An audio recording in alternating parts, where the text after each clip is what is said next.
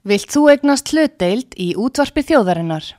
Sendu tölvupóst á hlutabref at útvarpsaga.is eða ringdu í síma 533 3943. Útvarpsaga stendur vörð um tjáningafrelsið. Síðdeis útvarpið á útvarpi sögu. Þáttastjórnandi Magnús Þór Hafsteinsson.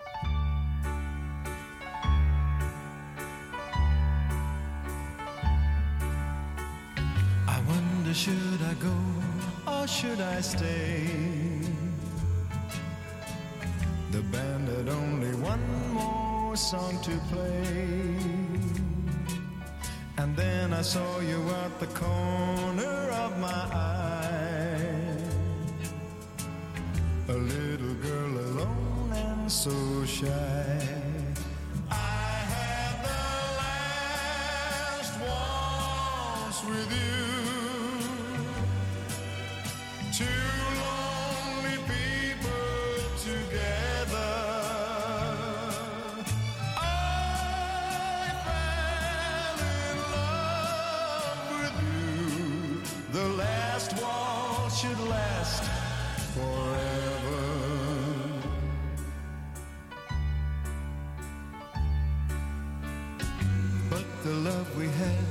Was going strong. Through the good and bad, we get along. And then the flame of love died in your eye. My heart was broken too when you said goodbye.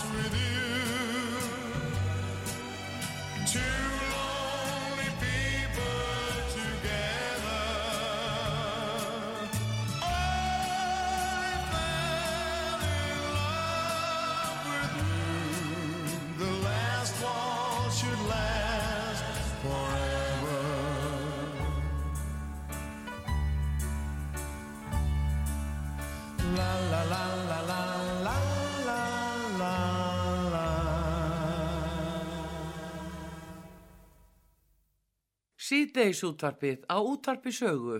Þáttastjórnandi Magnús Þór Hafsteinsson.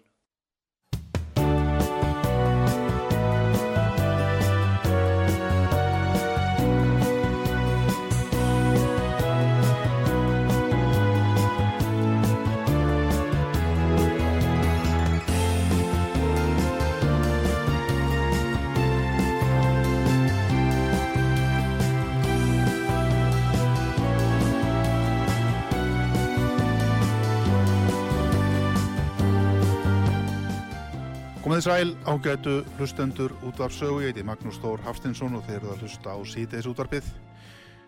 Ég hef fengið til mín góðan gest hingað í dag. Hann er eh, fyrirverandi skipera hjá landhelgisstjæslunni, Haldur Benóni Nellet. Verður velkominn. Já, takk. Liggur ekki bara vel að þær í dag? Jú, ljómandi vel bara, takk fyrir. Uh, gott veður, sólinn skín og Já, loksins. svona loksins. Þetta er búið að erfiðu vittur. Já, það var leðilegur. Eh, langaði til að fá þig hingað eh, því að ég sá eh, núna einhver tíman ætlaði ekki verið rétt fyrir jólin bara uh, þar sem var verið að heiðra þig og tvo aðra Georg Lárusson passar það ekki? Jú, fórstjórn, hann var hér okkur, jú. Já, þau voruð að hætta allir, þú og Já. Sigurður Áskrimsson, Og Jón Páll Áskjesson, stýrmaður Já, þau voru allir að hætta eftir langa þjónustu og digga hjá landið sérslunni þú eftir hvað mörg ár? Ég var í tæp 50 ár, 48 ár voru þetta held ég, alls. Já. Og þú ert ekki gamall maður þannig að þú lítur að hafa byrjað ungur. Já, ég byrjaði 16 ára, ég hef nú sagt áður að hérna, ég hef alveg hissa að hleypa 16 ára strokkum borð í varskip, en, en það er raun og saga, þetta var nú tíðarandinn hann í gamla daga, þetta var vist talið löglegt, en samt ekki ættulöst vegna þess að við vorum settir á átuþóknun. Þú voru settur á áhættu þó. Já, við vorum allir á átuþóknun. Þið voruðum borðið miður stríði eða Já, já, það var þannig. Já, já, 72, það eru 50 miljonar. já, það er einhverjum með þar, já. Þú ert ekki með 16 ára og uh, þú ert þá hvað, fættur 56. Já, 56. Já. Og byrjar sem, Byrjaði sem messagutti eða uppvaskari hjá Guðmundi Kennestið þeirri gömlu kempu já, já, já, og það var þetta vasku upp fyrir 24, það var stóra áhöfning allan dag já. Og allt bara vaskað upp í höndunum og, og, og maður þurfti að passa að hafa vatnið heitt annars þurfti bara að vaska upp allt aftur maður fekk að læra það einu sinni og maður, það kom ekki fyrir með einu sinni maður hefði vatnið ekki nógu heitt ég held að ekki eins og verið búið að finna upp borðið upp þetta vel þarna það var allt, það var allt bara gert í höndunum Þú voru skammaðar, það hefur- þeir hafa verið fétu í diskarnir eða? Já, þegar maður var að byrja þá var vatnið ekki alveg nógu heitt og þeir voru hýttur og við þurftum að vaska upp allt aftur og það kom bara fyrir einu sinni, það var nú bara þannig er strángur ægjum borð. Já, svona ég let það nú vera. Jú, þetta var nú svolítið lægi, jú, jú. Það þurfti náttúrulega að vera þannig held ég. Já. Hvernig áhafnið, 24 menn á ekki stærra skipi?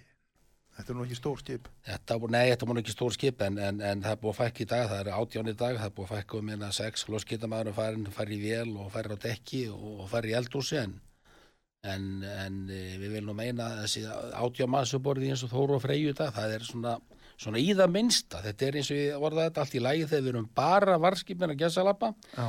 En þegar varskip breytist í, í björgunarskip að þá er bara alveg fullt að gera. Það þarf að kafar að vera á störfu, það þurfa menn að vera bátum og það þurfa menn að vera á, á, á, á, á dráttarspili og það þurfa menn að vera á dekki kannski að, að, að græja hérna, dráttatrósuna og, og, og, og fleira og fleira og fleira. Þannig að þá er bara stundum allt for lítið af fólki í borð, það er bara svo leiðis. En þarna 72 uh, landhelgi stríð, þú fer um borð þessi ungi drengur nánast. Uh, uh, voru þetta menn á öllum aldri? Já, ég var alltaf lang yngstúrandi borð Já, sko, já, voru svona frá, já, flestir voru svona held ég frá svona þrítugt og upp í, upp í sextugt held ég, svona flest allir sko, eins og Guðmundur kallaði hann og strákan á dekkinu, játkallana sína, þetta voru menn með mikla reynslu, búin að vera á skipunum þarna áður, Þór og, og síðan Óðinn og, og síðan yfir á Ægir Mm. og fóru síðan allir yfir á tíð þegar hann var smíðað 75, það var síðar. Já. Hvernig stóð því að þú fyrst plásum borðið varskipi? Herru, það var nú þannig að, að ég á komin alveg óskaplega skólaleiða hann 16 ára gammal, 72 og gæti ekki hugsað mér að fara eitt vetur enn og aðeins svona hvíla mig og ná áttum ég er alveg upp í sveit í, í Eistirskómyndur Östur Eiföllum Já, já. og, og fór til frænkuminna þar og uh, kunni vel við mig þar og endaði í skóla þar, bæði í bandaskólanum skóum og héraskólanum og Og ég átt orðið þarna, hvað, tvær rollur og heilan hest þarna þegar ég, þegar ég fóruð þaðan 16 ára gamall og þannig að hugur mér stemdi til þess að gerast bóndi bara. Þannig að plani var nú að fara, fara til sjós og ná svo er ég svona smá skottsilfur til þess að fara í bændaskóla. Það var svona planið. Já, já. Og Mára mömmu, hann var yfirstýrmaður á, á varskipunum og þetta var svona gegnum hann sem að ég, ég fór þann inn. Mm Þú ert fættur undir eigafjöllum? Eða Nei, ég fættur Reykjavík en ég fór, Reykjavík? fór í sveit undir, undir. Já, Það já. er frændfólkið mitt. Já, vegna þess að hérna langa langaði minn, hann er, er var franskur skútusjómaður Aha.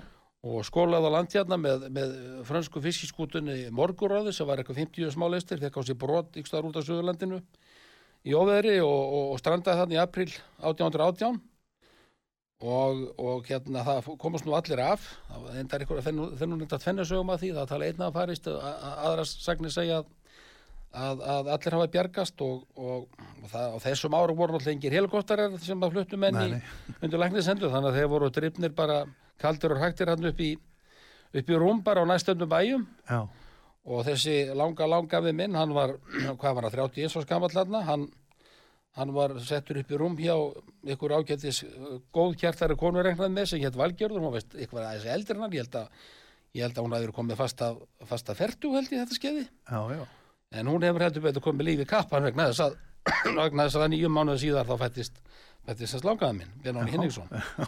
og það er að þessu mættbóa sem að ég sem stendaði hann austur undir skóum að, að, að, að tengið saman að, að, að, að frændfólk mitt er hann undir fjöllunum. Já, já. Já, Og svo áttu þá vantanlega frændfólk í Fraklandi eða hvað? Já, fennindar, sko, það fannst ekkit meira, það er einhverju búin að leita það núti, þetta er á, kom frá Dunkirk-svæðinu, Já, Dunkirk, já. Dunkirk og hérna það er einhverju sem búin að bara fara, fara út, hann fanns, finnst hvergi, sem sagt, í einhver kirkigorðum með það, tala ég að bara hann hafi farið bara setna mér, Já, en foreldina samfélgist hann úti og, og, og, sýstir hans, það er svona bara ég ennþá eiginlega að vera að skoða þessi mál. já, já. En það er komið stór ættbói af, af, af þessu strandi hérna á Íslandi og, og, og, og dreifðist hann undir eigafjöllin og út í, út í Vestmanæjar og, og, og ég vil meina að þetta nú verið bara góð innspýt, innspýting hérna í, Já, já, í, í hérna íslenska kynstofnin sem að sem að held ég að hann nú verið að fara úrkynna svolítið þarna Já, já, og sveitin sanda eins og allir, allir þekkja sko. Þannig ég held að þetta verið bara alveg nöðsilega kynbændur að fá þetta, Já. þetta inn. Veistu til góðst að hafa komið fleiri börn úr þessu strandi? Mér skilst nefnilega að hafi ekki verið mikið, ekki mikið, ekki mikið meira, kannski eitthvað eitt, tvö sem að ef hertum, en þekkið það bara ekki alveg nógu vel. Já. En þetta er eins og segir, verið hraust fólk og, og hérna stór ættbæði komin út, út frá þessu. Já, til dæmis, eh, Binni ykkur öfs á miklu aflaskistjóri Vestmanneum að hann er, Já, já. hann og, og, og eh, hann og móðum minn eru sískinaböld. Já, Já, það er nefnilega það. já, já. Já, þetta er skemmtilegt. Já, og þú ferð sagt, þá þarna um borði í varskipið og draumar þínir um búmennsku þeir eru þá fyrir bí eða hvað? Þú ákveður að verða sjómaður. Þeir blunduð í mér reynda lengi vel, sko, alveg Já. til, sko, 76 þegar þorskastriðinu líkur hérna, ég var nú að baldri þá, að e, þá svona fór svona aðeins að að, að, að dvína sá áhuga eða svona ég fór að hafa meira áhuga bara að fara henni í stýrmannskólan og, og ég endaði mig þegar að fljótlega eftir þorskastrið þá fór ég í stýrmannskólan og útskrifast það 1980 Já, já, með þriðastíð og síðan alltaf setna var skipadeildin 80, hvað, 88 var það held ég já. Hvernig, þið ljótið nú að hafa lendi í einhverjum æfintýrum og svaðilförum hann að 72, 50 mílunum, átökum við brettan. Já, já, það voru, það voru margar uppákomur, bæði 50 miljónum og, og, og 200 miljónum og, og þetta var náttúrulega eilífar, eilíf, eilíf og reltingaleikur náttúrulega við, við brettan bara, reyna að, að, að halda þeim frá veiðum bara, dag eftir dag og, og síðan voru náttúrulega fengnir dráttabátar og freikátur þess að verja tógrana og, þetta var bara slagur um það að halda þeim frá veiðum og kliftum náttúrulega tógverið eins og allir þekkja tógverið klippuna, þannig að rifja það upp þegar þekkja það held ég flest allir íslendingar að okkur tókst að hala stífað á marga. Já, og kannski klippingan að segja ekki allt það er þetta áreiti, þetta stöðu áreiti sem þurfið fyrir af okkar, okkar, okkar hálfu að það held þeim mikið frá veiðum og þeir þurftu alltaf að hýfa þegar þeir voru já, já, já. það Þurft, þeir þurftu að gera það. Þeir tók ekki séns á því að mikið er náttúrulega mjög slemt að missa trollið, sumir voru með varatrollið það voru samt ekki margir, Nei, það þýtti bara eru að fara heim til Englandsættur, já, þeir mistu trollið. þeir mistu trollið, já, það Já, var oftast þannig. Uh, Þú hefur lent í ásiklingum þá?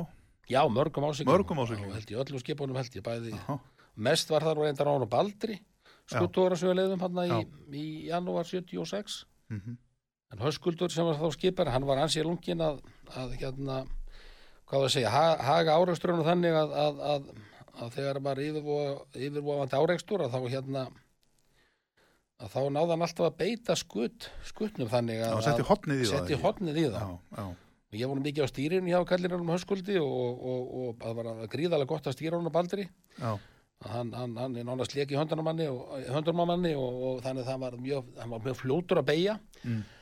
Þannig að oftast nær tókst okkur að, að nánast stinga afturendanum í sem þau voru meiri ferð en við vorum kannski á okkur 16, 17, 16, 17 mílum að freikáttunum kannski 20 en 30 mm, og þegar þær voru meiri ferð en við og þegar settum svona afturhóttan í þá já, þá bara ristu þær upp bara eins og sardínudósi bara, það, það voru nokkuð skip sem fóru þannig. Já. nokkra freikáttur sem fóru þannig. Já, og það var búið að höskuldur og, og, og stýrimeldi sem voru hann með hann og þeir voru bara að finna ykkur svona ítutennu minni mig. Já, ég myndi ekki hvað þeim ásko, áskotnaðist það. Það er sérstaklega styrt stál, gríðarlega stert. Já, og þetta var sett á bæði afturhóndin þannig að þessu fengu, fengu freikátundar að kenna á. Þetta verður svona verið eins og dósanýfur. það var bara lósanhífur og, og síðan var þetta brínt líka þannig að þetta var svona oddkvast Já, já, svona, ég maður ekki hvað þetta var langt þetta ekki verið svona 2-3 metrar og kannski hálfu vetri þermál, þetta var svoðið utan á síðunar En af hverju uh, mér eru alltaf þótt svolítið skrítið að breytanir skildu hætta svona dýrum skipum eins og freigátum sem eru létt líka létt skip kannski ekki með mikla brinnvörn og hérna byggja frekar á hraða heldur en hitt og eru viðkomar gagvart árakstrum lítur að vera, að, að þeir skulle hafa tekið þessa áhættu með þessi skip því að það segir sér náttúrulega sjálft að ef svona skip lendi áreikstri og tala um að það var rist upp kannski á stórum kabla, þá þýtti það náttúrulega sliptöku í marga mánuði. Já, já, en það var það þannig, það er það þannig, það, það, ég mer ekki hvað við sendum marga frikaldur að slipa honum aldrei. Já, En séu voru, það má ekki glemma, þeir voru með dráttabáta líka. já, En það, gallin við dráttabátana var það að þeir gengu ekki, gengu bara ekki nógu mikið. Þeir Nei. álega svona oftast að hrista þá okkur. Við máttum passa okkur á Statesman, hann gekk aðeins meira enn við á Baldri. já, Hann fór svona 80 og 90 mílur, við gáðum þræla Baldur upp í 17 já, með að taka öll innsiglega vélinu og allt, allt yfir öll rauðustrykki sem að voru sem að voru hérna niður í vel hjá velstjórunum það var farið yfir, langt yfir þau öll já, og við náðum yfir yfir að hrista okkur dráttabótana en, Já. en, en og, og, það var þess að það oftast árastur bara við, við, við þá það er bara dráttabóttan náðu okkur ekki En akkur gerðu þeir þetta, að sigla á ykkur, ég meina, hefði ekki verið einfallega fyrir þá að beita byssunum? það. Jú, en það bara máttu þeir ekki gera þannig að ég held nú reyndar að, að, að vera okkar í NATO hafi nú bjargað miklu þannig sko, maður ætti að sé á því setna sko Ég er nú ekki að tala um að þeir hefði átt að skjóta ykkur í kafin, þeir hefðu kannski geta hrætt úr ykkur líftúruna. Já, þeir gerðu það reyndar einu sinni Já, þá var það í daginn að, að þá voru búin að sagt, laska eina freikátuna það mikið í dagum mitt að, að hún var úr leik. Og þá kom að okkur askvæðandi freikátt að sé hér næja, það maður alltaf eftir því. Já, og ég trúði aldrei að breyta myndi gera neitt sko, en þá þegar hún nálgast okkur þá sjáum við það, það var alltaf sko segli yfir öllu, það var litlar eldflögar og, og fallbissur og ja, þegar hún kemur hann askvæðandi okkur út úr þókunni þegar við erum búin að setja daginn út úr leika þá, þá áttum að sjá því að, hérna, að hún er búin að taka öll segla af, bæði já. öllum eldflögum og allur maskafur upp á dekki er, komin í svona asbestklæði, svona árasafúninga, Já, svona einmitt.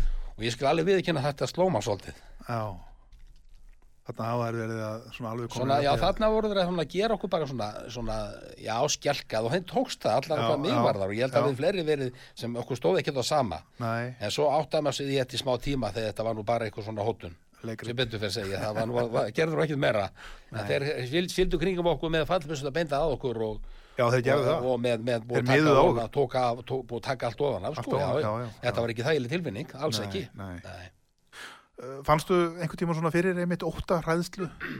Nei, ég bara aldrei nema þetta nokkra skipti. þetta sem ég var að nefna þetta með en, ekki áreistrunum. Aldrei, nei, aldrei, ég bara, maður treysti þessum miðumönnum þannig alveg fullkomlega, sko, 150% bara. Já, Höskuldi og Guðmyndi og allir þessu gömlu köpum sem voru þarna og þannig ég var, ég var aldrei hættur, aldrei nokkuð tíma. og hvernig fór þetta, þannig er þú bara eitthvað, reyndar um að tvítugur þá, eða tví- milli tvítugs og þrítugs á stýrinu, Já, 16 ára til 20 þegar stríðið var, já. en ekki, þú vorst ekki hafður á stýrinu sem messi. Nei, ekki sem þessi, nei, nei, bara þegar hún er bara dekk. Já, Ég var, var 19 ára og 20 ára gammal, ég var stýrinu Höskuld á, á, á Baldri.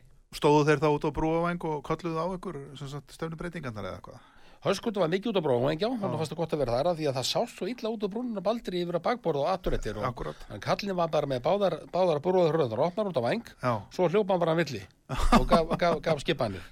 Bæði til, til okkar sem voru á stýrinu og síðan stýrimanna sem sjáum sem sagt velastjórnuna já, það var annar maður á, Já, á já. vélsímanum. já, og það var oft fjör og alls konar upp að konum og, og ég með það kallin rugglaðist nú sundin þannig að segja kannski frá því núna að hérna einhvern tíma var freikátt að koma á okkur fullri ferð á bakborða og, og kallin var tilbúin að, að beita skötnu sko og setja, beigja þá aðeins í stjórn. Já, en þá var steismann hinum megin. Já, og, og kallinn alltaf var hlaupandi á milli þetta var náttúrulega svolítið hasar í gangi skið, Já, mér það. skipið á fullri ferð og, og þá hérna mismælti kallinn sig einhvern tíma manni og sagði hart í stjórn við mig og ég sá náttúrulega ekki þetta, ég fór bara rétt í fyrir mælum og, já, já, og ég byrjaði að snúa stýrinu og þá er Kristján út á stjórnbórsvagnum fór hann frá vélsímarum og kannan nei, nei, nei, nei, nei, við megum ekki beigja steismann er á stjórn.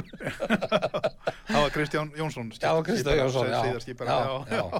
Þannig að það er ekki verið gott að beigja þá hart í stjórn, þá farið fyrir sko fyrir steismann. Já, það þetta en, en er svona eina skiptið sem ég man eftir að kallinn hafi svona mismalt sig. Já, að hérna, að það þurfti svona, já þetta var bara tímorki sem maður segir á og í slett aðeins Hvar var á, aðrir í áhöfni, hvar voru þeir á meðan þessu gekk? Voru þeir, voru þeir hafðir? Bara með borsal eða voru þeir upp á dekki allir? Þetta var, já, það var, það var bannað, það var alltaf ringt út svona skipspjöllum, það mátti Já. enginn þá vera nálagt útsíðunum. Nei, Það verði vera inn í miðju skipi Já. og það hafði bara hver sér hlutverk sko. Vélarúmin alltaf var bara ákveðni menn sem voru bara tilbúinir í vé- vélinni að, að kera þessa neyðarkeslu sem að við gerðum, fórum langt yfir öllur auðustrykkinni sem ég sagði á þann. já, Síðan voru við tveir og þrý sem vorum alltaf tilbúinir bara á stýrinu og skiptumst á, stýrðum við svona kannski kortið 20 mínútur og tókum það smá pás og tók annar við og, já, Ég var semst alltaf á stýrinu og síðan voru einhverju klári bara á, á spilinu, bálsmæru vanlega stýrði í spilinu, Já. að slaka út hérna tókreklípunum Já, og svo var aðeir bara tilbúinur aftur á dekki eða þurfa að taka klipundar út eða taka þær inn eða það voru bara oftast í tókblokkinu aftur á hana baldri. voru menn klárir að fara frá borði ef allt væri á versta veg? Nei, ég man ekki eftir því, ég man ekki eftir því að sko, það var stóru björgunabátur á hana baldri og ég, ég man ekki eftir því að það verið Hann er eða neitt? björgunaræfinga, nei, Nei, það er það, var aldrei, menn höfðu bara ekki trúa því að að neitt svoleiðis kemur fyrir heldur. en þeir sem voru neyri vél, hvernig ætli þeim hafi liðið? Þeir vissu náttúrulega ekki Ég, já, ég hefði ekki viljað, sko, við það, ég hefði ekki viljað vera þar. Nei, Nei, það var örglega ekki óþægilegt að fá að heyra, heyra á höggin þegar freikáttun voru komið undan á okkur. já, þú kannst aldrei vita Já, en stjórnum var baldri var inn í miðri, inn í miðjurskipi minni mig og þeir Já. heldur sér þar og það var ekki, þeir eins og ekki lengi verið kannski að hlaupa upp eða illa hefði farið. Það var, það var stutt úr, ef maður rétt, úr stjórnrúminu og upp í stigan bara að forða sér. já, En það var ekki þægilegu staði fyrir vélstjórn að vera, ég, það, það er alveg hreinu, ég hef ekki viljað vera þar. nei Voru mestu lætum sem þú lendir í, var það um borðið baldri eða hvað? Já, það var svona heftugustu held ég, já, með að segja það. Held ég með að segja það, þetta var nú einmist, það hasar líka á, á honum ægi með ára guðmyndi því ég var að byrja þarna sko. Já, og kerði á okkur tógari, hann aldrei svo bakkaði á okkur. Vorum að reyna klippingu. Já, slöpum nefnilega þá við, við annar tógari sem hétur Ross Rífens, nú var að Já. á okkur. En við slöpum, já, við náðum að klippa á hann og, og hérna, hann skattaðist nú sjálfur það illa, hann þurfti að fara, fara sjálfur heim sko. En nú er þetta, þessir bresku sjómenn, tógara sjómenn, þetta voru náttúrulega bara venjulegir alþýðumenn sem voru að reyna að afla sér lífsöðuværis og, og, og hérna höfðu fyrir sínu að sjá. já, já, Voru, voru þeir ekki, höfðu þeir nokkuð tíman einhverja samúð með þeim? jú, ég, ég, ég held hann, ég hafði nú saman með Kalla Greiðun, sko, ég verð nú alveg að segja það sko, ég kom síðan til ég kom síðan til Grímsby sko því ég fór að sigla því eimskip hann sko fyrst 79 bara þremur árum eftir, eftir þessu lauk. Já, og mér er alltaf minnist að því að ég fór og gekk hann með fiskidokkurna sko eða fiskihöfninni í Grínsby þá þekkti maður flesta þess tókara þá láð þetta í höfninu og var að riðga allt niður. Skemmilegt að sjá þetta, mikið atvinnuleysi náttúrulega í bænum, Mhm. bæði húl og Grínsby við fórum bara til Grínsby og, og, og það, voru, það var mikið reyði í okkar garð líka hann úti sko. En Það það, það. skilum að það vel sko. Já, já, og það var þannig að þegar við fó- fórum hérna strákarnir á, á, á til dæmis á pöppana við vorum alveg hættir að segja vorum íslendingar. Já, já, við sögum bara að vera norðmenn ef, ef, ef, ef, þannig, þannig hentaði sko, bara yfirlt alltaf við, það var einhver tíma sem að einhver lendi því að vera, vera bara mér hennilega fyrir að vera íslendingur. Já, og ég náttúrulega sagði ekki, ekki ég þorði náttúrulega ekki fyrir mig vilja líf að segja frá því ég hefur verið fyrir náttúrulega varskismæður sko, ég sagði ekki nokkuð mæri það á, á þessum börum þegar maður var að spjalla við tjallana sko. Já, já, þannig að eins og ég sagði á við sögðum bara vera, vera normenn þannig að það var langt best að sleppa við einhverja leiði þetta spurningar og eitthvað vissin nei, það var bara nákvæmlega þannig. Já, já, Já. Já, já, já. Hefur komið hann út eftir það síðar aftur svo? Nei, ég hef ekki komið síðan. Ég held ég að fara síðast í Grímsby 82 líklega. Ég hef ekki komið það síðan. Nei, Svo fengu þeir náttúrulega kannski og menn vita, fengu bætur hann að löngu senna. Það er ekki bara einhver 5 eða 10 ár síðan held ég. Þá fengu þeir einhverja bætur hann sjómenn já, frá ríkistjórninni Bresku, minnum mig. já. Ég held að hún líka orðið mikil uppbygging sko, að þessir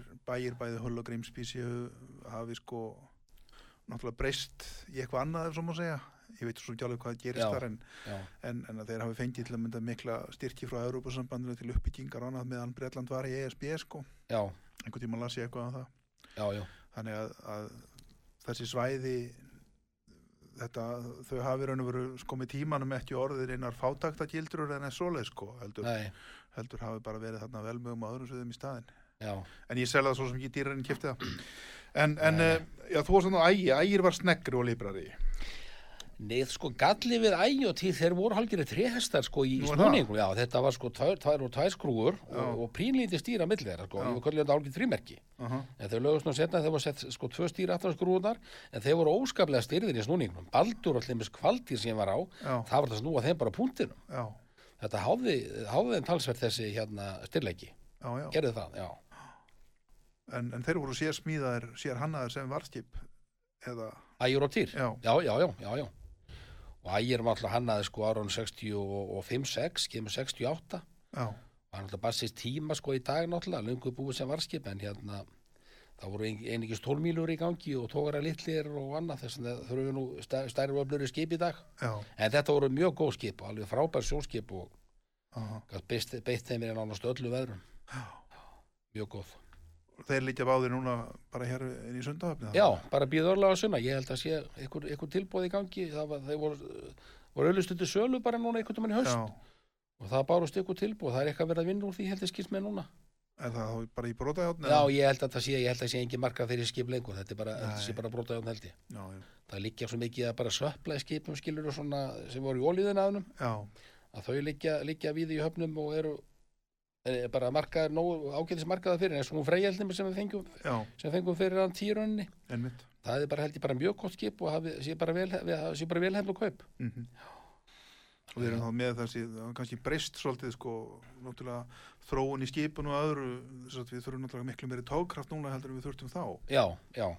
Og eins og ég sagði við áðan meðan tíð þeir voru sko, þeir voru svo styrðir, það var svo erfitt að snúa þeim. Þegar, þegar að Sigur Steinar heiti lendi því að, að draga hann uh, dettifós, þegar hann misti stýri fyrir austan, mm það var ekki mál að draga hann, að draga hann áfram, það var bara ekki að beigja.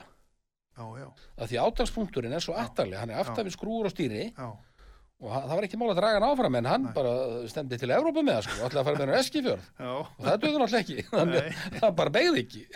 Þó að verið slakað og bóskrú að notað, alltaf fór hann bara saman farið eftir. já, Þannig að enda með því við vorum settir á ægi hérna líka og hjálpum að- til með að koma honum austur á austur eskifjörð. Og, við og við gerðum ekki, sko, ég var með ægja þá og Sigur Steinar var með tí, já, en við gerðum ekki bara fyrir veðrið það niður. já, Þá sem sagt, uh, Týr var með hann aftan í og, og við dróum tí, já, tí, tí dró Dettimos og við dróum Týr á ægi. Og þá gáttum við þrælaðanum inn á, inn á, hérna, inn á Eskifjörð.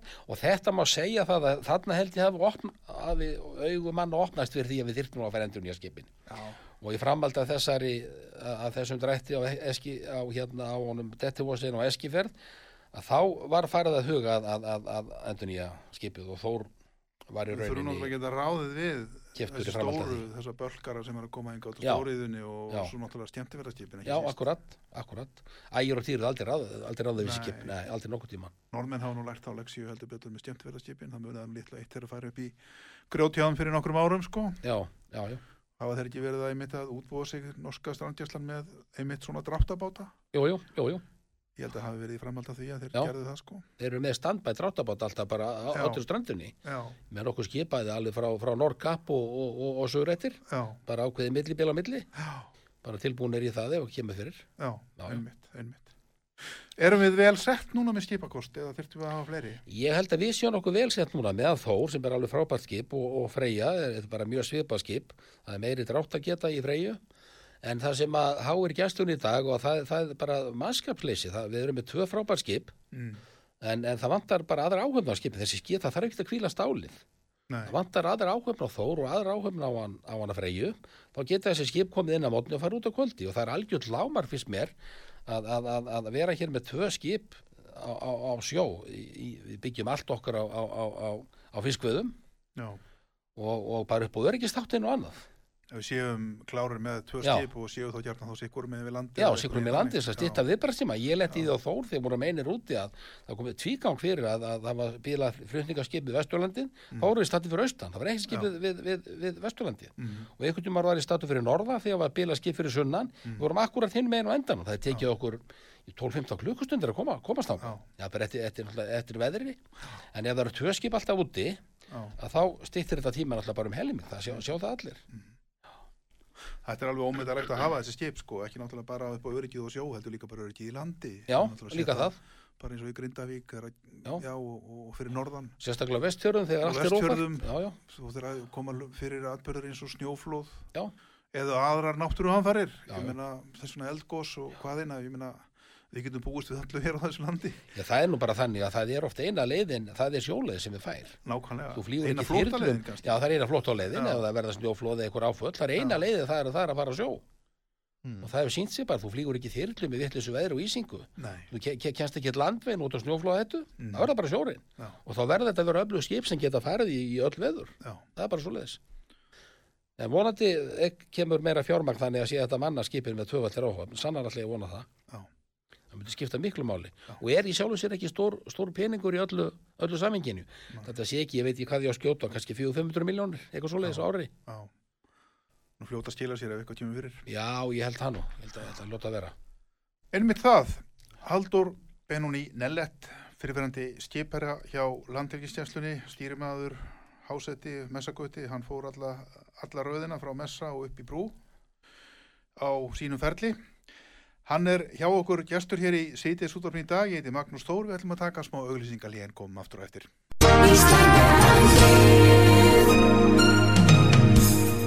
Styrtareikningur útvarpsögu í Íslandsbanka á Granda. Útubú 513, höfubók 26, reikningur 2.11.11. Nánari upplýsingar á útvarpsaga.is. Takk fyrir stöðningin. Síðdeis útvarpið á útvarpi sögu. Þáttastjórnandi Magnús Þór Hafsteinsson.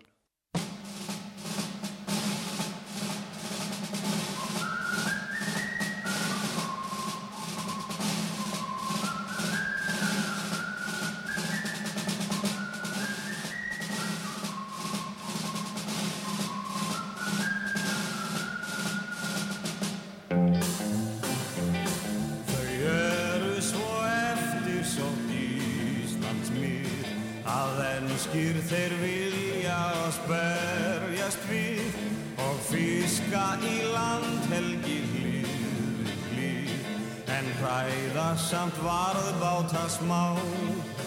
Því þó að herskipin ensk séu sterk og stór þá er þeim stuggur af óðni og líka þó. Hann yrði bitur þeim ensku hinn salt í sjó ef síldi albert af krafti á þá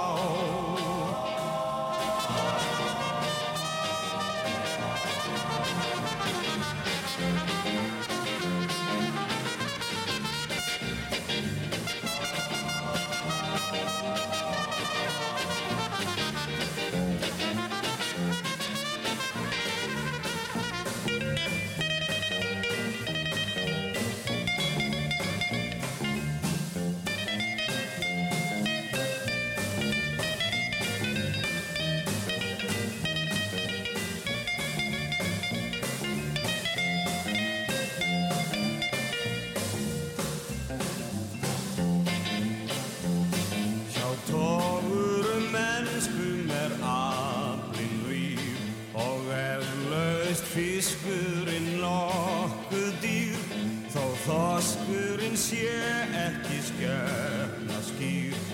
hann skömm hefur brett hannum á. Og þó að karlarnir verjist með krókstjökum og séu kringdir af viðbúnum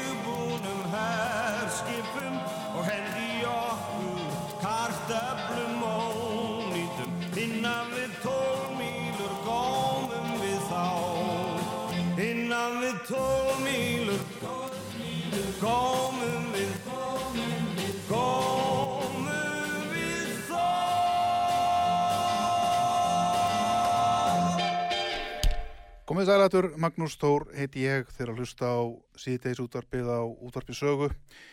Þetta var Haugur Mortens sem var að syngja um landhelgismálin.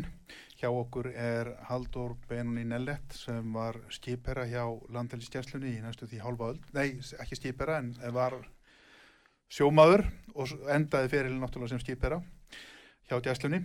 Uh, við höfum verið að tala hérna og reyfja svona upp ímislegt frá landhelgis átökunum, hann var í 50 miljónum og 200 miljónum og upplifði ímislegt sem uh, er gaman að heyrum.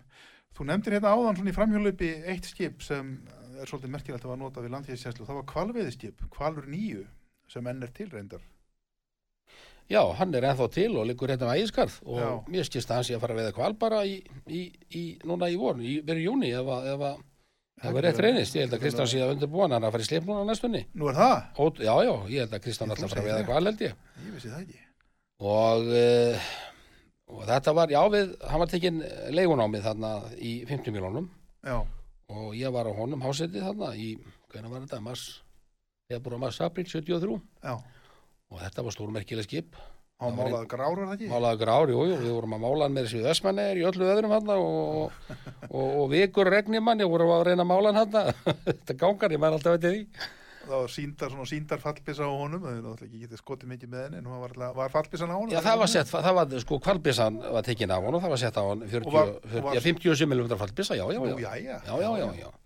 Við skutum úr henni ykkur tíma þegar við vorum konir í algjötu öngstræti með hérna tógar að stróla eftir okkur og það var Bjarni Helgaðsson og heitinu var skipherra og, og Stafri Norðarmann, ég náðum að klippa, klippa úr einum og, og það var strollan og eftir okkur, bæði dráttabátar og, og, og, og, og, hérna, og tógarar og, og þá var byssan mönnu sem sagt við vorum komist bara umkringdir rauninni, sko, það voru komin allar hringir hringum okkur. Já, já. það leiti ekkit vel út á tímbil og við hefum ekki viljað fá tógarinn í síðan vegna þess að sko vélarúmi í kvalití er bara held ég megnið að skipinu held ég örgulega 60-70% held ég af öllu þarna Það niður er engin, engin skilrúm. engin skilur og ekki neitt það hefur verið róðart að fá, fá gata á, á, á hérna á Það að niður.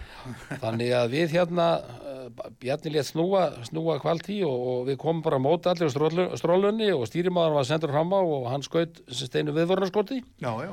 Sem tók svona frábæli það, sko, hann skautan þetta er alveg ótrúlega náláttur að einhver reyndar skoti, skoti færi í stefninu á einu tórunum en það kom svona hásúla þegar, þegar kúla lendi í sjónum. Já, og þá sá, sáu þeirra okkur alvara og það myndiða svona geil þeir, þeir þeim var brugði við þetta. Já. Og þau örugglega heldur uh, því leikar frábæra skittur væri, væri þetta borð.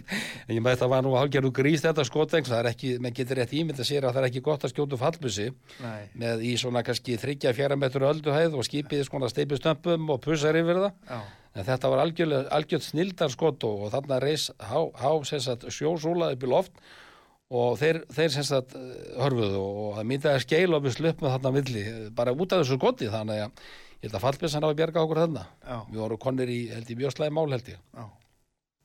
Nú tror að NATO aðildin hafi bjargað okkur að það hafi verið það sem held aftur að breytanum eða hvað. Já, ég held það nú, ég held að meðan alveg segja það Við sko, vorum, við vorum bandamenn í utaríkismálum en, og varnamálum Já. og við verum það ekki í fiskviðmálum. Ég held að það hafi, hafi, hafi hérna bjargað miklu bara það að vera hann í, í NATO vegna þess að þeir náttúrulega auðvitað geta bara hýrt okkur sko eða bara gengið frá okkur Já, þess vegna bara, já, já. en ég held að það bandar ekki menn hafa bara ja, bara bannaði um það bara ég, ég trú á því að það verið eitthvað með þeim hætti Já, já. að það vi- vissu allir hvernig það var kaldastriðið var þarna í algenningi og, og Já. þeir mátt að það var nú að fara að hóta því var ekki að að, að, að reyfa eitthvað við, við stöðinni þetta svo, svo í keflaði, hvað það nú kom út í það Já, út í, út í þá sálmaði morðaða svo leiðis og já, já. þannig að þetta var viðkvæmt mál og, og, og, og ég held að bandarækjumenn hafi spilið þarna spilað þarna stærri stærra hlutverkaldur en bara aldrei hefur komið fram, ykkur unnar það Já, já, þeir eru geta tekið bara, já, þeir eru bara, bara tekið ykkur og hérna, já, auðveldlega bara auðvitað. Já, já. miklu öflugur náttúrulega með öll þessi herskip og og, og, og mannskap og annað. 200-300 mann sem bor í hverju skipi og við vorum hvað rúmlega 20 Já, já, já, já. En þú varst líka, þú varst líka að fljúa. Já, ég var í flutdeldinu líka, ég var hérna kallar í flutdeldinu, 86 var það held ég Já. og var það spilmaður, sigmaður og, og navigator eða siglingafræðingur á, á, á, á gamla góða fokkurinn okkar sem er núna á flugmennasemninu Norður Akureyri, afskaplega góð vel Mm og það lendi maður í í ýmsum æfintýrum og það var gríðarlega góð lífs, lífsreynsla að vera, vera þar. Þá voruð þið við gæslustörf á fókartum sem sagt fljúa um. Já, það var flogið reglulega, það var bara fjögur, fimm flug í viku, bara flogið yfir, bæði grönt og djúft Já, yfir, yfir lögsöguna og, alveg, og farið reglulega alltaf á ístu mörkun. já, Rússarnir voru mikið að veiða hérna allir með sátt á Reykjanesvík alltaf á vorin, Já. 60 og upp í 80 skip sem voru á línudansi hérna já, og það þurfti hans að stukka þeim frá, bæði með varskipum og, og, og, og, og, og flugvilinni. en þið tókuð aldrei neitt, rússa. Við reyndum einu sem að taka rússa, það var, var vorið 96, það Aha. hétt Dimitri Pogramowicz og ég, mér það minnist þetta, ég sá henni í sjónægunum langt ára sko, uh, græjurnar í fokkandi var þannig, við gátum ekki mælt, ekki með ykkur óvissu, ekki, ekki til að fara með fyrir dómaran nema að fljúa Já, já.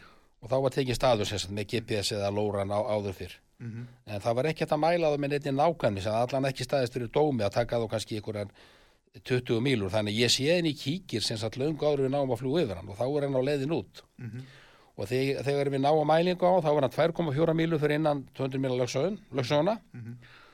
og, og við náttúrulega sendum skeiti til lands og, og, og, það er ákveðið bara að reyna að hýrða skipið allan af, horf- af hálfu landvíkiskeslunar og til þess að svo megi vera þá þarf að vera sem kallað er sko óslitin eftirför, það þarf alltaf að vera og það er nú ekki auðvelt að gera það á, á flugvél sem er kannski með, með, með ekki nema 8 eða 10 tíma flugþól og varskipið, eina skipið sem var út í þá, það var hann ægir, hann var út í Reykjanesið Já. Þannig að við erum að fylgja honum eftir og hann alltaf neitaði að, að, að, að, að stöðva en ég sá hann greinilega veiðum þarna. Ég var semst leiðangustjóri á, á, á fokkarnið þetta var og, og, um, og hann alltaf hlíti ekki neinu og hýfði bara upp trollið og, og, og, og strunsaði sem síðanst út fyrir. En við fengum semst fyrir mælum það að, að, að fylgja honum eftir og vera með þessa óslifnu eftirför. Ægir var sendur strax út til þess að, að, að, að, að hjálpa okkur við alltaf við að við erum alltaf dýrðan á hlugunni, það sjá það allir, það þurfti þetta skip. Já, já. En við þá ekki flugþólega með ykkur held ég ykkur að 7-8 tíma eftir að við komum á honum og þannig að við fengum hengum yfir alveg lengi að við gátum og síðan þurftum við frá að hverfa að fara til Reykjavíkur að, að tanka og að meðan maður fengið flugmálstjórn til að leysa okkur af og meðan við vorum að Reykjavíkur tanka. Síðan fórum við út aftur og hengum yfir um alla nóttina og þá var ægir komin út af það snemma morgunin og þá gáttum við semst farið heim og ægir átti að klára verkið. Já. Síðan stóði stappið þarna fram eftir degi og hann, e, það komið þetta fleiri rúsneski tókar að honum og umkrengt hann og þannig að ægir komst ekkit almennilega að honum og þeir náttúrulega neituðu bara að, að, að, að um að á alþjóðluð hafsvæðu og hefðu aldrei farið inn fyrir, þrættu bara fyrir það. Mm. Og síðan, já ég veit ekki eða hvað skýði en, en íslensk stjórnvöld þau gugnaði hirðan, þeir lögðu ekki í það. Og hann var sleppt. Og nú var bara sleppt. Aha. og mér fannst þetta nú hálf, hálf, hálf lélegt af því að það var búið að tjálta öllu til búið að fljúa þarna út í ykkur 16-17 tíma Já. ægir er búin að sigla fulla ferð þarna í, í, í, allarleið frá Reykjanesinu Já.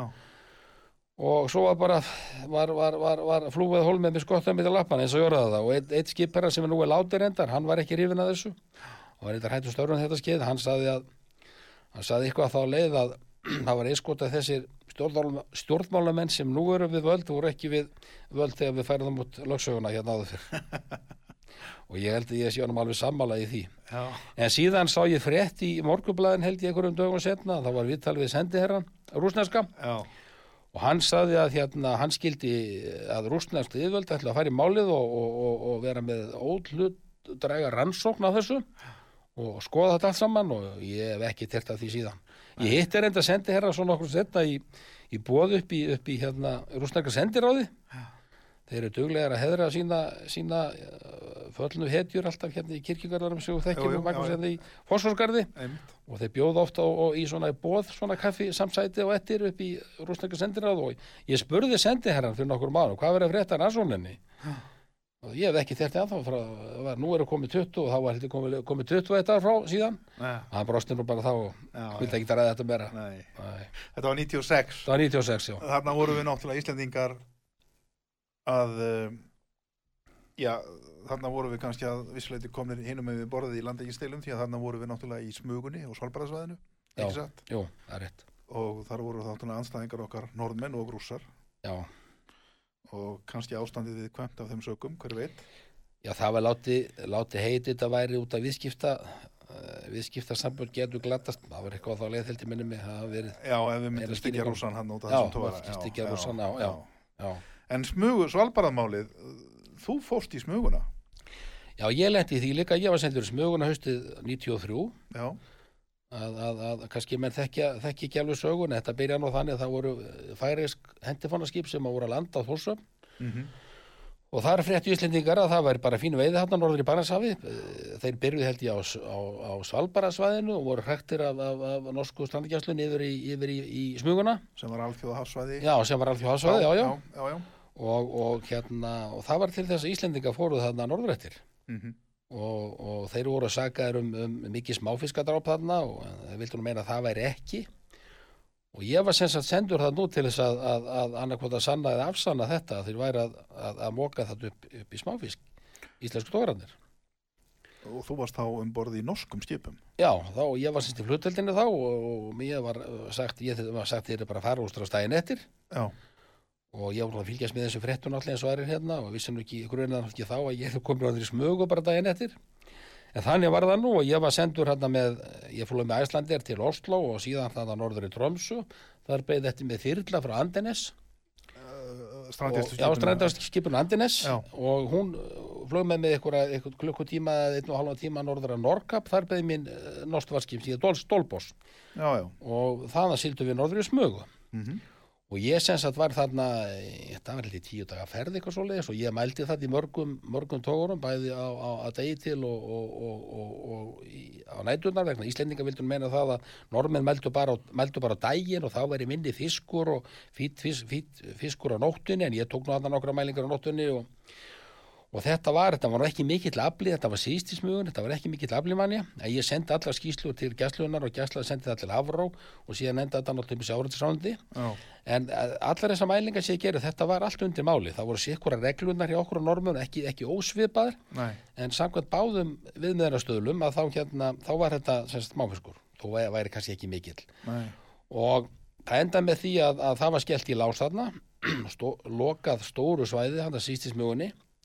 Og Íslendingar fjallust á það. Íslendingar, já, þeir eru það hlýða því bara, Já. eru, að fara út og þá strönsuðu þeir norður í sko nýrst í smöguna Já, og ég maður það að það voru ykkur í laga spekingar hérna heima sem að, að spruttu fram á rittvöllin og, og vildu meina að, að, að þessi reglugerða ætti sér ekki stóð í lögun, í Nei. lögum nei, og þetta endaði hjá, man, man, hjá umbásmanni alþingis en hann úrskorði þetta væri alveg löglegt og þessi reglugerð staði í slög Mhm. en þeir fóru semst að nýrst í smöguna og þá kom í ljós og þar var bara ágætis aflið, það fréttist að hún færi sko skipið þar, að hendi fann skipi Mm. og þar lendu þeir í bara miklu betri afla, þar voru þeir að fá stóran fisk og, og, og, og bara fimm og upp í sjö tonni í, í, í halimanni, þetta er einhverja fjóra-fimm tíma í stað- í staðan fyrir að það miklu minna að það sögur frá já, já. og þetta voru eiginlega bara lán í ólóni að ég lokaði þessu sveði og, og þeir fóru það norður eftir. En svo náttúrulega byrjaði vesinin norðurfrægnast að það voru enginn, komnum með, sko línuna að, að hérna, þeir báðu með um íslensku, ég verið góðu sambandi við, við íslensku tógarskistjórana og þeir báðu með aðstofast að vita sko lögsögumar hvað þeir mættu fara nálagt Já, og við fórum í, í, í sjókortaskúfuna ég og kafteininn á, á Stólbás og fórum að skoða þetta. Og þá var þetta í hvergi í neinu sjókortum sko, hvar norðurmörks muguna voru mörgu já, já, Þannig að það enda með því að skipina sendi skeiti til, til höfustöðan í Sortland og, og, og baðum að fá þessa punta. Og þeir komu síðan um kvöldið og, og ég let tókar hann að fá þetta. Hann gaf þess jáfnfram skipina við mig manni að, að, að þetta væri svona ekkit alveg sko skotleiti puntar. Nei. Þetta væri svona, svona, svona nála drettu. En bæði mig samt að segja ekki íslensku skipstjóra á þetta. þannig að ég, ég, ég hérna ég, ég greindi þetta þannig að ef þið færi lítilega einferð að þeir eru ekki þyrtir ég náttúrulega mátti ekki segja og sagði þeim það ekki nei, sagði að þetta verið puntandir Já. og haldið ykkur við þetta já, en þetta, þannig voru þeir ekki búin að, búin að aðmerka norðurhlutansmugurinn neitt. Nei, þetta var allt svo óljóst. já, þetta var allt Það hefði kannski ekki reynt á þetta þannig. nei, nei, nei. En, en hérna, hvernig var að vera með norsku strandjæslunni? Tóku þeir vel, það var, Íslandingum? já, þeir tóku mig mjög vel. Þetta var alveg mjög gott fólk allir borð. Já, alveg, öðlingar alveg. Mjög gott að vinna með þeim. Við veitum allt fyrir mig gera. Þeir voru ekkert að æsa sig neitt. Nei, nei, nei, nei, alls ekki, alls ekki alls ekki. Og svo náttúrulega enda þetta með náttúrulega þetta var þrejafata næsta ár og enda svo með samningum að það var ekki 99 held ég Já, sem enn er í gangi náttúrulega og, og, og er loðunan byggist á þetta, þessu eins og allir vita náttúrulega. Jú, jú, þetta kemur Já. upp á hverju ári nánast og alltaf kannski eitthvað sem mætti alveg ræða hér í einum þætti, þessi, þessi svo kallaði smugusamningur og, og þar, svona, þau skipti á veiði heimildum sem þar fóru fram. Já, normenn er ekki hressi með, með ánægðir núna, náðum ekki kótanum út af ímsum mannmörkum sem þeim eru, eru, eru settir einmitt. með ekki að fara suðu fyrir ákveðna línu já, já, 64-30 minni mig og máttu, þau hættu veiðum að það ekki gæri held ég að fyrir að dag já. náðu ekki kótanum, þetta allir, allt þessu gamla náðu því, smugu en ekki samningi allir. Þannig að þeir mátti ekki nota flótról og þurfti bara nota nótina og, og svona ímislegt Já. sem eru ónaði með. En um, já, þú fórst náttúrulega líka í fleiri verkefni, varst ekki líka í miðrahafinu á tíu? Jú, ég fór bæði sem uh, kallaða national officer í, í Madrid, var þar í sex vikur. Já, já, svona tengilöðu melli Frontex sem er landamærastofn Evrópu og, Já. og, og gæslunum þá. Var þar í sex vikur og síðan fór ég nokkur að túra. Hann Einar Valsson skipir hann núna á Freyju já, hann var mest þetta niður frá en ég fór hann nokkur að ferður að leysa hann af. Hann geta að hafa hann endalust þetta niður frá. Aha, þannig að við vorum eiginlega tveiri þessu á tímabili og ég held ég að komið að, að Björgun eitthvað yfir þúsund manns þarna suður frá í miðrinafi já, það voru náttúrulega bara flóta fólk sem var aðalega frá Afríku sem var að leita sér að betra lífsviðaværi í og að Evrópu. reyna að komast yfir til Evrópu. Já, og, og voru á misvel búnu bátum sem voru sökkvandið þarna og, og Mm já, ég held að við tekið eitthvað yfir á annað þúsund manns og, og einu sinni dró ég skip sem hétt Esadín sem sitti frá Greiklandi og var á nólíulust Söru Ítali og dróum það inn til Voru það Suðurstrandar flóttamenn Ítalíu. líka, eða? Það var fullt af flótamannum Fullt af 300 og- flóttamönnum? 360 manns voru þar að borð, mikið Já. konum og börnum líka, það var gripaflutningarskip, Já, dróðu það til sögur Ítalíu. Náðum fóruð að- þið yfirleitt alltaf með fólki til Ítalíu eða hvað?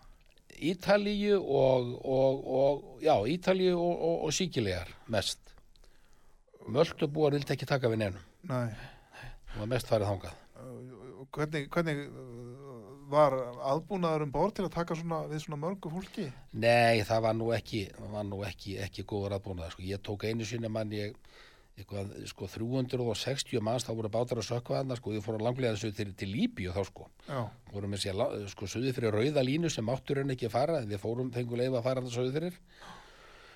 Og, og ég sagði, sko, mér bara ítlið að taka svona marga um borð. Ég sagðist taka svona marga menn um borð, bara með því skilir að ég fengi að losa mig við fólkið önnu skip, bara fljótlega. Ég get ekki tekið svo mikið fólki af því það var margar klukkutíma sigling allavega til, til Ítalíu með allt þetta fólk. Já, já. og það náttúrulega stóðst því miður ekki þannig við sátum uppi við þannig að tæmlega 400 manns um borð vorum Já. að setja uppi vaktir og, en þetta hafðist nú allt og við erum að loka skipinu við hleyftum þessu fólki náttúrulega ekki inn en við leituðum á öllum skilu, það var með vopn það var hver einast einstakling og var leitað sem sagt, leitað vandlega, tekti símar teknir af fólkinu Já, já, og bara, bara fyrirbyggið var ekki með vopn, vopnum borð já, já.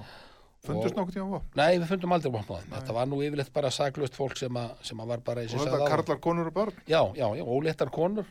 Ég man í, í- ég man í, í þessu tilviki sem ég nefndi þetta sem fórum til með 360 manns að þar var ein kasjulegt kona sem var algjöl og komur á steipurinn og, og, og ég var bara skítrættur og myndi eiga á leiðinni sko þannig að að ég maður það við fórum að rifja upp hérna ég og stýrmenni mann, ég fórum að glugga í fræðin svona hvernig er þetta að taka móti barni Ég voru man ekki með læk- voru ekki með læknum börn? vorum ekki með lækni, nei, nei, nei, nei, nei, nei, nei, nei.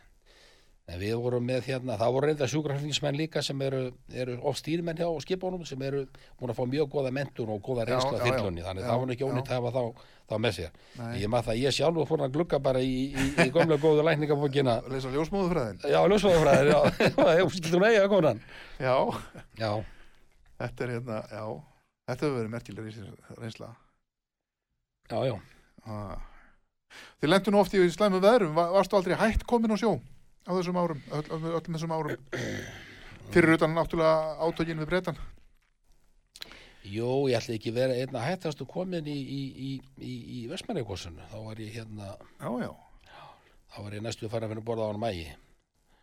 já, þá voru þau að sigla þarna það var nú kannski bara já, maður var náttúrulega þarna bara 16 ára gamall og óreyndur og, og ég veit ég alveg hverja maður að kenna um að við erum að koma frá Þollásöfn og erum að sigla til eiga, þetta var í sérst og þá þú þekkir nú að maður fyrir gegnum faxasundið. Já, og þú tekið svona róleg stórbólsbæja og, og kef, silt fyrir klesnefið og inn. Já, og það er ringt út í end þessu kallar, það ringið bara bjöllur og það fæði maður út í end og ég var aftur á.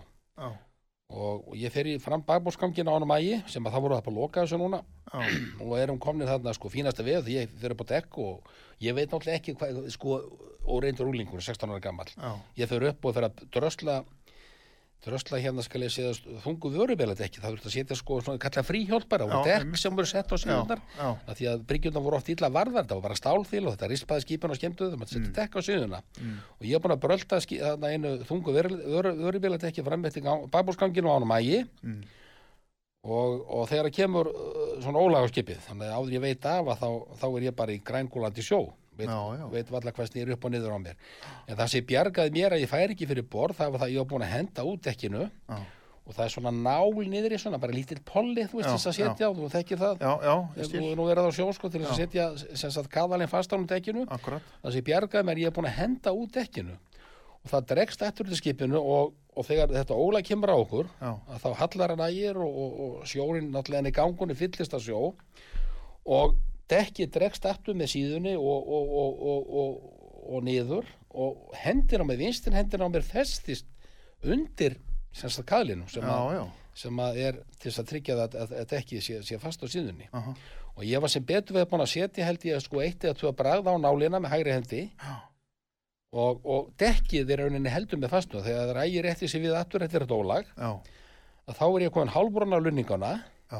Og, og en hendin hangir á þessu, hangi í raunin á að hendin sko er föst undir þessum kaðalbóta ég er alveg sannfærin um það að ég hef ekki verið búin að henda út þessu dekki eða farið fyrir borð. Já, og það er ekki verið glæsilegt að fara fyrir borð það í svartan virkri í, í skítabrælu en ég ætla kannski ekki segja það er útlokkað eða þið fundum mig en, en, en þessum árum voru menn bara í sko engin björgur að vesti og, og í dag er, er, er, er fer engin á dekki í endaður sem er björgun að vesti. Nei, allan eða eitthvað er, að- eitthvað er að veðri það er bara, bara reglan í dag. Já, en þetta var bara allt annað tíðar andi og auðvitað áttu mér reyndari menn kannski að vara með við. Segið mig frá því að bara, heyrðu, pa- passa, fara býtna þess með það, fara ekki út. Já, en ég bara úr reyndar ólingur bara vissi ekki betur. Nei, og það, þannig bara skýja slísin, það er bara þannig. Já, þannig að ég held að allir þetta ekki verið svona þetta hætt, ég, hef verið sko, já múst að spjóða hvort ég var hætt komið, ég myndi nú að segja að það er þetta atvik.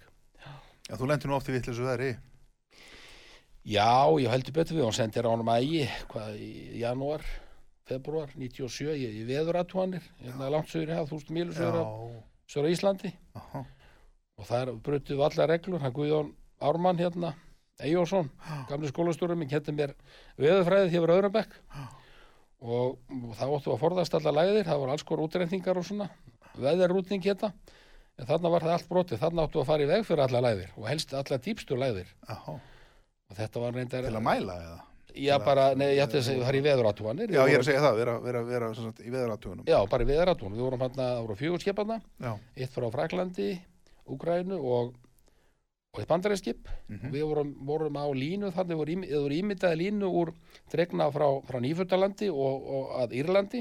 Þá vorum við akkurat að meðri þeirri línu. Já. svo voru skipið að færi svona bara norðar og, sunn, og söður til þess að vera aft, sem örglega ekki missa hann inn í lægð og þarna vorum við látni verið í tvo mánuð í, í öllum veðrum og fórum alltaf fyrir dýfstu læðin þetta var það var reyndar frekar óskemmtilegu túr, ég skal alveg segja það. Það var reyndar yfir 20 metrur öldu að þannig suma dagana það er ekkert annað. en ægir var náttúrulega lista sjóskip og, og, og hérna stó, stóðst öll áföll. Og það voru sem betur þeirra voru svona stórir gluggar innan á eða sem stórir hlerar innan á brúglugganum í hann vægi. Já. og ég let alltaf setja þá niður á nóttun eða, eða veðrið var slemt ég ekki vilja að missa einn glugga þarna út í ballarhafi. Nei, þúsund mílu frá landi eða bæði þetta stóðslasa fólk og maður er mist út öll tæki meira að minna. Þetta er það stóri gluggar á hann mægi og tíja það hefur verið hróðalegt að missa einn glugga þarna. Þannig ég bara tók enga séns á því og setti, setti lera fyrir glugga Já, bara til þess að Já, til þess að taka að neina að séns á þessu. Einmitt. Hvernig er að vera komin á eftirlaun? Það er bara mjög gott En það, Já, alveg frábært þið leiðist ekkit. Leðist ekki neitt, ég hef alveg nóg að gera Já, Já, já ertu eitthvað í búskap? Í búskap Já, því þú sagðist að það verið svo mikill uh, búskap, að hegður þegar þú varst það- yngri. Það er spurning om að færi bara ekki fóndan bara ef- efri árum Þú ert ekki með rossa en eitt svo leis. Nei, en svona eftir svo kvarl að mér að vera kannski gaman að fara í þetta bara Já, Já, einmitt. En það er ekki að þá allavega nei. Nei, nei. Við erum búin með tíman. Halldór Benuni Nellett, fyrirverandi skipera hjá landriðistjæslunni, maður sem hefur marga fjöruna sopið og silt um heimsinn söf. Það var mjög gaman að fá því hingað til okkar í dag. Takk fyrir komuna. Ég heiti Magnús Þór, ég segi þessu lokið í dag, þökkum Jóhanni Kristjánsinni tæknimanni fyrir hjálpina. Ég kveð að sinni, eigið góða helgi og förum varlega, verið þið sæl.